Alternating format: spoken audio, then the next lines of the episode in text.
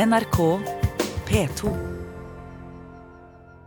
Hva skal til for å lage en bærekraftig fiskeripolitikk som også kommer befolkningen langs vår langstrakte kyst til gode? Vi er kommet fram til åttende og siste program i serien Kampen om kysten.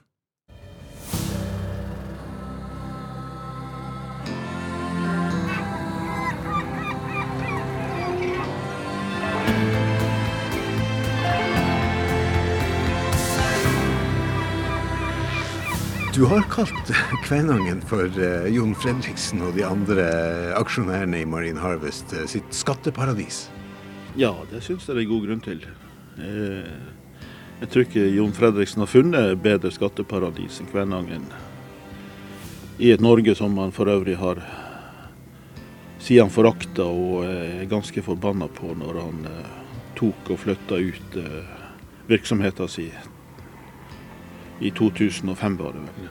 Men eh, Kvænangen og andre fjorder er skatteparadis for Fredriksen og andre oppdrettere. Det, det er ingen tvil om.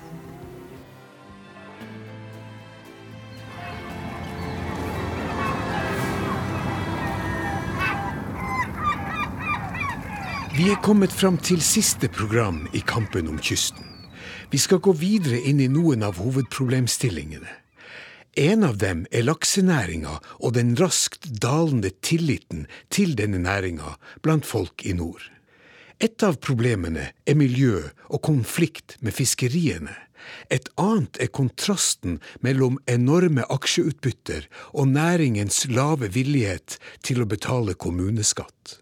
Gunnar Grytås, en av Norges mest erfarne fiskerijournalister, har sammenligna skatteregimet med laks med en annen næring bygd på fellesskapets naturressurser vannkraft. Kvænangen har en sikker inntekt fra et kraftverk, eller kanskje det er to, i, uh, som gir de uh, på årsbasis ca. 15 millioner kroner ganske sikker inntekt. Litt avhengig av kraftprisene, men, eh, men eh, likevel stabil. For oppdrett eh, er det så godt som ingenting. Det som Marin Harvest betalte i eiendomsskatt, det var altså vel 20 000 kroner i 2015. 20 000 kroner opp mot 15 millioner? Ja, det er på en måte helt Det, det er ganske utrolig med tanke på at vi har jo politikere og lovgivere i dag som burde være flinkere til å tenke prinsipielt når det gjelder prisen og verdsettinga på naturressurser. I forhold til lokalsamfunn som, som gir avkall på det her, og som sitter igjen med problemer av ulik art. Sånn at eh, når Marine Harvest i Kvænangen bruker et, stort antall eh, steder eh, hvor de har utplassert sine merder, stort antall lokasjoner, som de sier, så betaler de faktisk ingenting i skatt for bruk av dette fellesskapsområdet. Nei, du kan kalle det ingenting i forhold ja. til det som er profitten til aksjonærene av Marine Harvest, og det som er overskuddet i selskapet. Er det rettferdig eller urettferdig? Det er vel ikke så vanskelig å karakterisere det som urettferdig. Det er i forhold til eh, Ja, vi har en eh, politikk for å, at oljenæringa betaler tilbake til samfunnet. Vi har en politikk for at vannkraftnæringa gjør det. og det, det, er en, eh, det er en enorm ressurs. og den de distrikter og kommuner som gir avkall på den ressursen, og som eh, som sagt de, eh, de, må ha noe igjen. Og det har jo også vært en mobilisering de siste åra for å få på plass et sånt regime. Men eh, oppdrettsnæringa sier de er ikke uvillige til det, men de vil samtidig ikke ha større skattetrykk enn de har. Og da er det jo kanskje ikke så lett å få det på plass. Og de har vel greid å manøvrere seg veldig godt utenom det som har vært av politiske utspill for å, eh, for å om f.eks. ei arealavgift som blir oppfatta som kanskje den beste måten å betale tilbake på. Sånn at uh, aksjonærene sitter igjen med pengene, og, og kommunene sitter igjen med miljøproblemene? Ja, det er vel en, ikke en helt upresis beskrivelse. Du har kalt Kvænangen for uh, Jon Fredriksen og de andre aksjonærene i Marine Harvest uh, sitt skatteparadis. Ja, det syns jeg det er god grunn til. Uh, jeg tror ikke Jon Fredriksen har funnet bedre skatteparadis enn Kvænangen. I et Norge som han for øvrig har siden forakta og er ganske forbanna på når han tok og flytta ut virksomheten sin i 2005, var det vel. Men eh, Kvænangen og andre fjorder er skatteparadis for Fredriksen og andre oppdrettere. Det, det er ingen tvil om. Det er jo slik at eh, det at du har ei, eh, en, god, en god skatteordning som gir oppdrettskommunene som gir kraftkommunene, mener jeg, noe tilbake, det har jo ikke fjerna konflikten omkring kraftutbygging de har jo vært mange og veldig harde. Vi husker alle på 70-tallet Aurlandsvassdraget, Mardøla, Alta, Saltfjellet. Men det er iallfall slik at uh, når du har en sånn diskusjon i en kommune og du skal legge til rette for, uh, for kraftutbygging, så vet iallfall de som deltar i den diskusjonen at de får noe igjen. Det har vel kanskje bidratt til å finne en balanse mellom vekst og vern i uh, kraftnæringa i uh, oppdrettsnæringa har man ikke en sånn uh, kompensasjon. Der er det egentlig bare å godta at det skjer, uten å vite hva du får igjen, og at sjansen er stor for at man kan få igjen en del problemer som mange kommuner mener de sitter igjen med i dag. Slik Gunnar Grytås ser det, mangler Norge i dag en politiker av Johan Castbergs format. Da utenlandske investorer for lenge siden ville bygge ut norske fossefall, var det, som de ble hetende, de Castbergske lover som sikra kommunene de enorme kraftinntektene som i årenes løp har kommet lokalsamfunn over hele Norge til gode.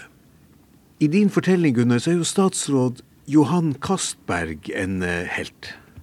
Ja, det var han som var arkitekten til det her. Han, eh, det her heter jo de Castbergske konsesjonslover. Han, eh, han, var jurist og brukte mye tid på å tenke gjennom det her. Det var en del eh, politisk strid om det her. Det gikk etter en høyre-venstre-akse i politikken.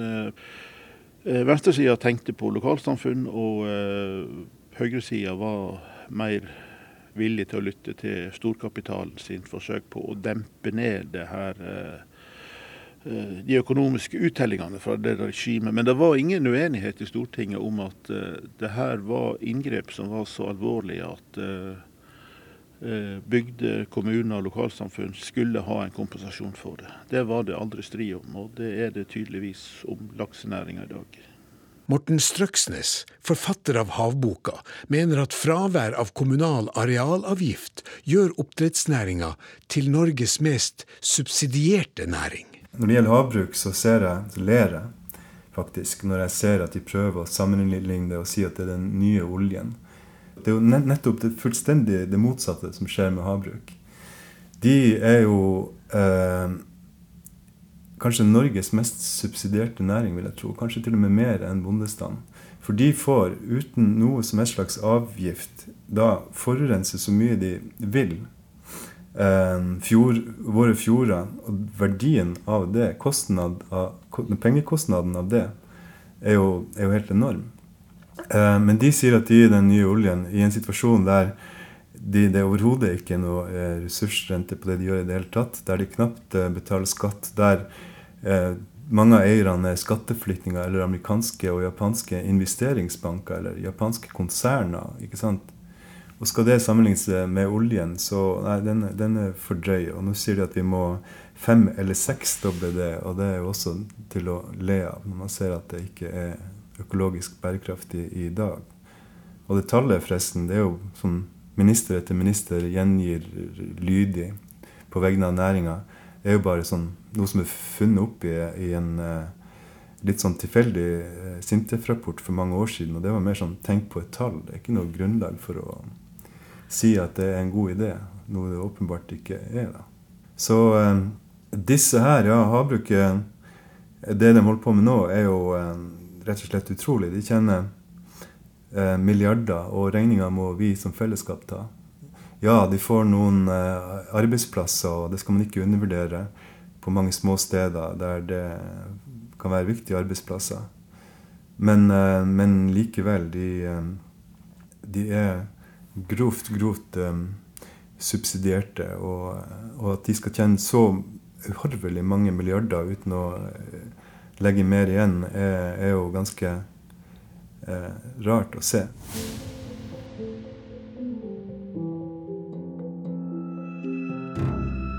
Et annet tema vi har vært innom i serien, er kampen mellom kystflåten og trålerflåten og slaget om leveringsplikten i vår.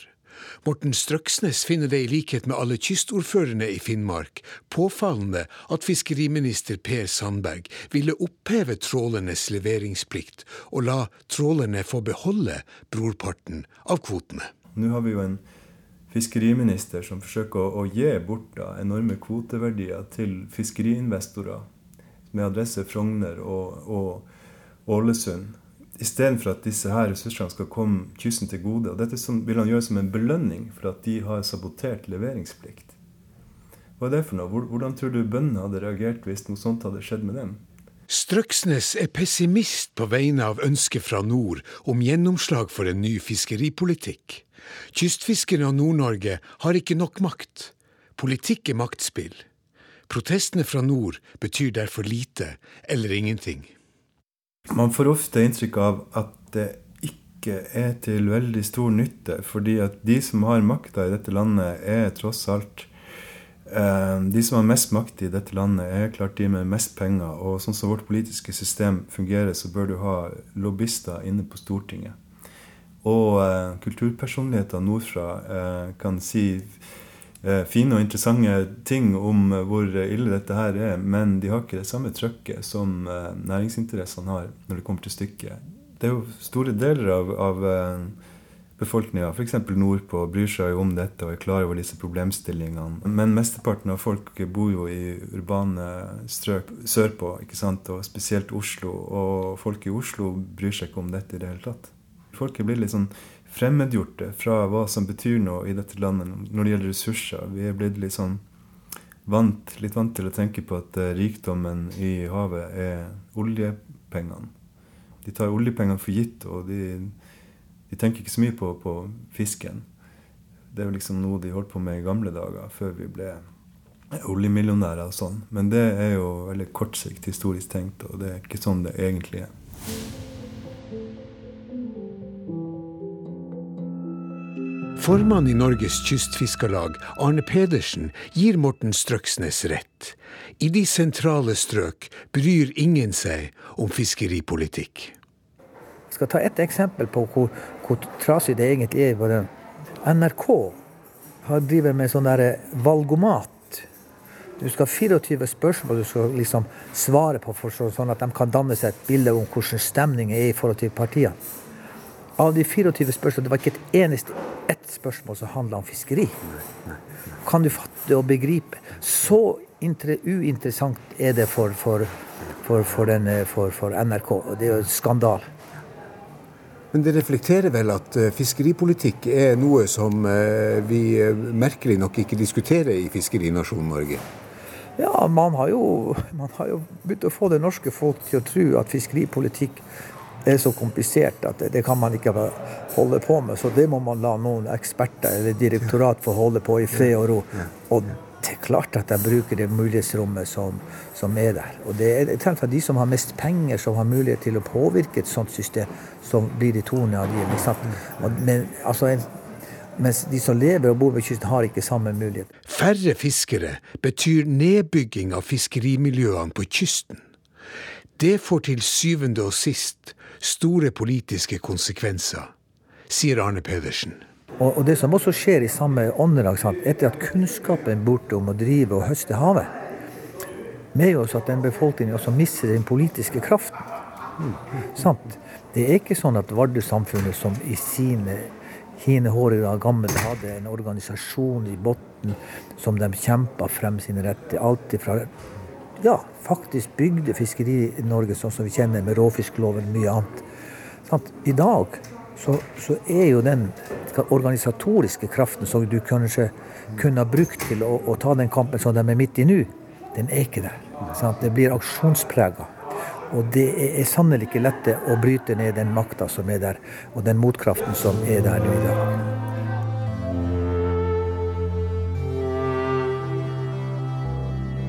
Den største aksjonen de senere år var Kystaksjon 2014, symbolisert med bilde av Kjell Inge Røkke som pirat. Demonstrasjonen starta i fiskeværene i nord og ble avslutta foran Stortinget med ordførerkrav om å stanse Røkke og kvotebaronene.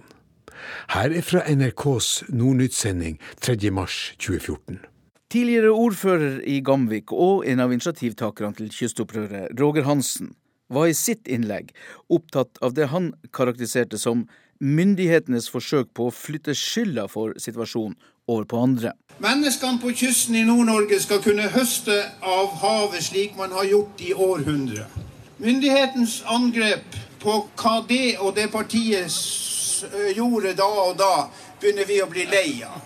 Altså, han Ludvigsen gjorde det i 2003 og Helga det i 2007 og det, det eneste vi er interessert i, det er at de holder seg til dagens situasjon og får stell på det her.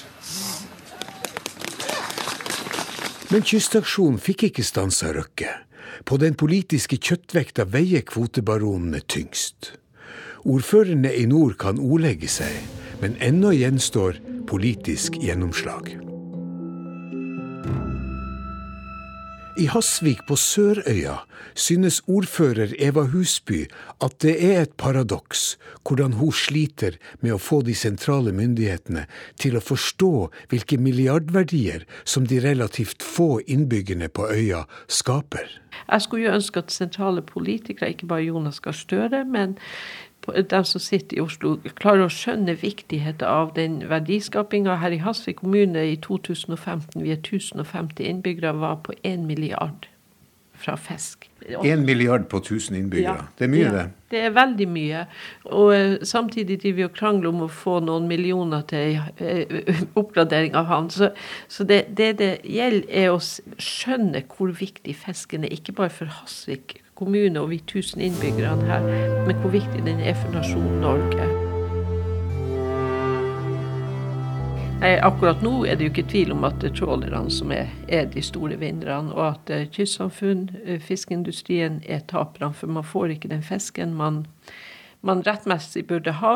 Og det, også, det, fører jo også til da at man får ikke den aktiviteten på landanleggene som, som all den fisken i havet skulle tilsi at man kunne ha. For jeg mener at det er så mye fisk i havet nå at eh, vi kunne ha opplevd en stor vekst langs kysten i Finnmark, og, ja, eller helt ned til Nordland. Ordfører Eva Husby er klar på at Norge trenger en fiskeripolitisk storrengjøring for å kunne opprettholde og utvikle bærekraftige lokalsamfunn langs kysten. Vi trenger å rydde opp i norsk fiskeripolitikk og få forutsigbarhet. Det er jo politikken som har laga systemene, det er det vel ingen tvil om. Og Derfor mener jeg også at politikerne har et ansvar for å finne den løsninga som gagner samfunnene, kystsamfunnene best. Jeg mener jo som de fleste andre ved kysten at verdiskapinga skal skje lokalt. Og jeg håper jo at framtida betyr at det blir mer fisk til kystflåten.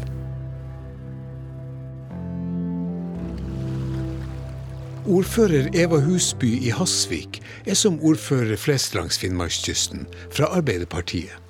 Alle disse ordførerne kalte fiskeriminister Per Sandberg for en ransmann under leveringspliktdebatten i vår. Disse ordførerne har investert all sin politiske prestisje i å skape en helt ny fiskeripolitikk om Arbeiderpartiet skulle vinne stortingsvalget til høsten. Det kan vise seg å bli politisk hasardspill.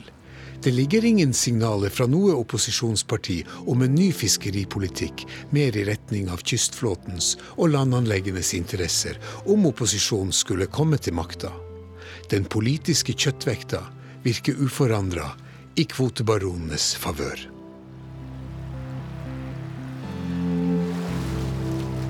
Uansett hvordan det politiske spillet går, er én ting konstant i Finnmark. Kystfolket vil ha forandring. Gunn-Mari Ferman i Mehamn gir stemme til de som vil ha en større rettferdighet i fordelingen av ressursene. staten Norge med regjeringa i spissen, og fiskerne her, og for ikke snakke om filetjentene, har et totalt annet syn. Eh, som strider mot hverandre. Og da lurer vi på hvem er det som eier sannheten. Og Det er derfor jeg ønsker å gå ut og informere, for at folk flest skal skjønne at her er det noe mer enn bare det som kommer f.eks. fra fiskeriministeren. For du har i dine innlegg eh, kalt det som skjer eh, her oppe for urettferdig. Ja, jeg syns det var veldig urettferdig. Eh, og jeg ser det at de, de som har vært ansatt i fiskeindustrien, ikke har blitt hørt. De har jo heller ikke kanskje alltid tort å snakke ut om sånn som det har vært, fordi at makten gjør at det blir lagt bånd på ting. Og sånn tror jeg det har vært gjennom flere tiår. Hva er det som står på spill for deg? siden du engasjerer deg så sterkt? Ja, det blir Når tingene kommer sånn her, så blir de så veldig nært. Det er jo naboene mine. Det er jo uh, alle de som bor i min kommune, og det er mitt fylke. Man blir opprørt. Mange har uh, nesten fått fiskeripolitikken i vrangstrupen. Jeg snakka med ei her om dagen hos hva, sa og jeg meldte meg ut av Arbeiderpartiet. Det de gjorde mot oss, det kommer jeg aldri til å glemme.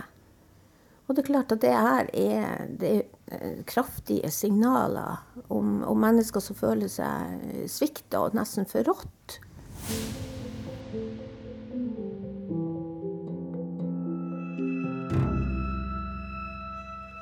På Sørøya møter jeg en nestor i norsk fiskeindustri, Svein Krane, født og oppvokst ved Breivikfjorden, lille Lofoten.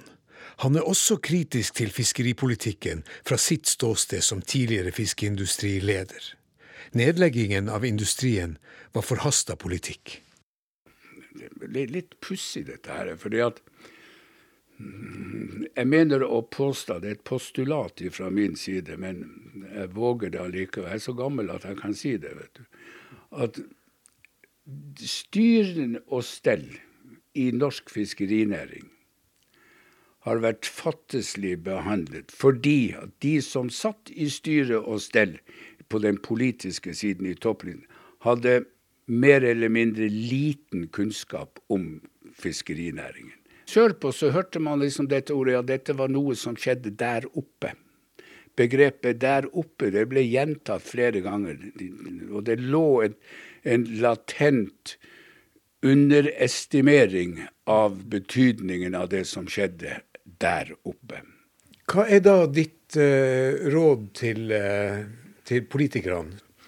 Ja, Det er vanskelig for meg å si, men én ting bør de gjøre. Det er at de bør sette seg inn i hva er det som egentlig skjer her oppe på kysten.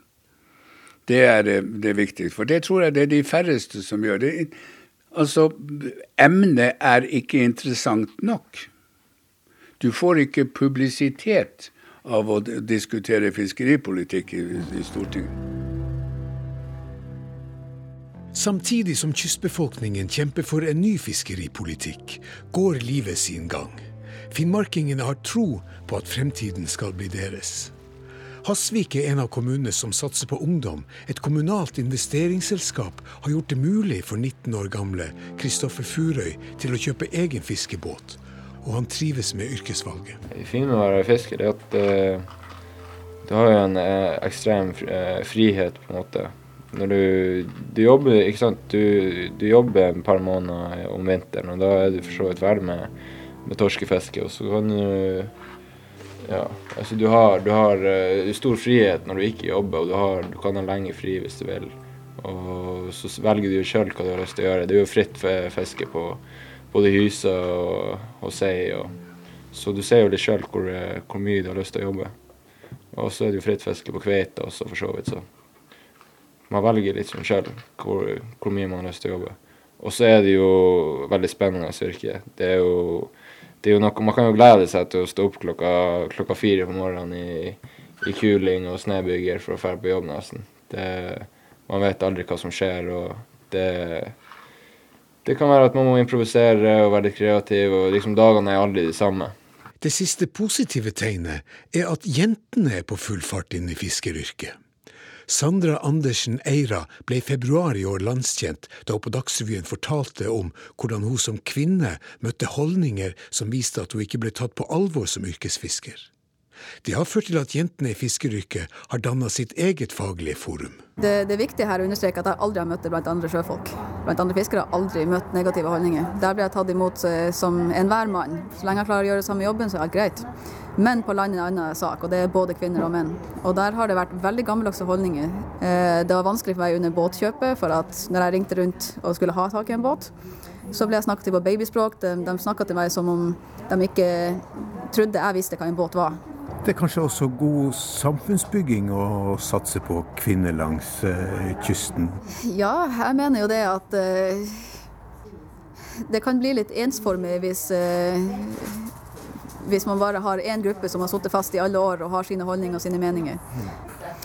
Altså, jeg kommer til å være fisker uansett hva folk måtte si og mene, så den saken er jo grei. Det jeg er bekymra for derimot, er fiskeripolitikken som foregår i dag. Jeg er ganske bekymra for den delen rett og slett fordi at hvis vi fortsetter på den banen vi går nå, så går det ganske fort nedover. Så det jeg er bekymra for, er at jeg om 10-15 år må sitte og fortelle generasjonen etter meg hvordan det en gang var når vi drev med sjarkfiske, hva den mindre flåta bestod av. Eh, her i fjorden var det mye fisk, men ikke nå lenger. Eh, jeg er rett og slett redd for at min næring skal være utdødd om noen år, hvis vi fortsetter som vi gjør nå.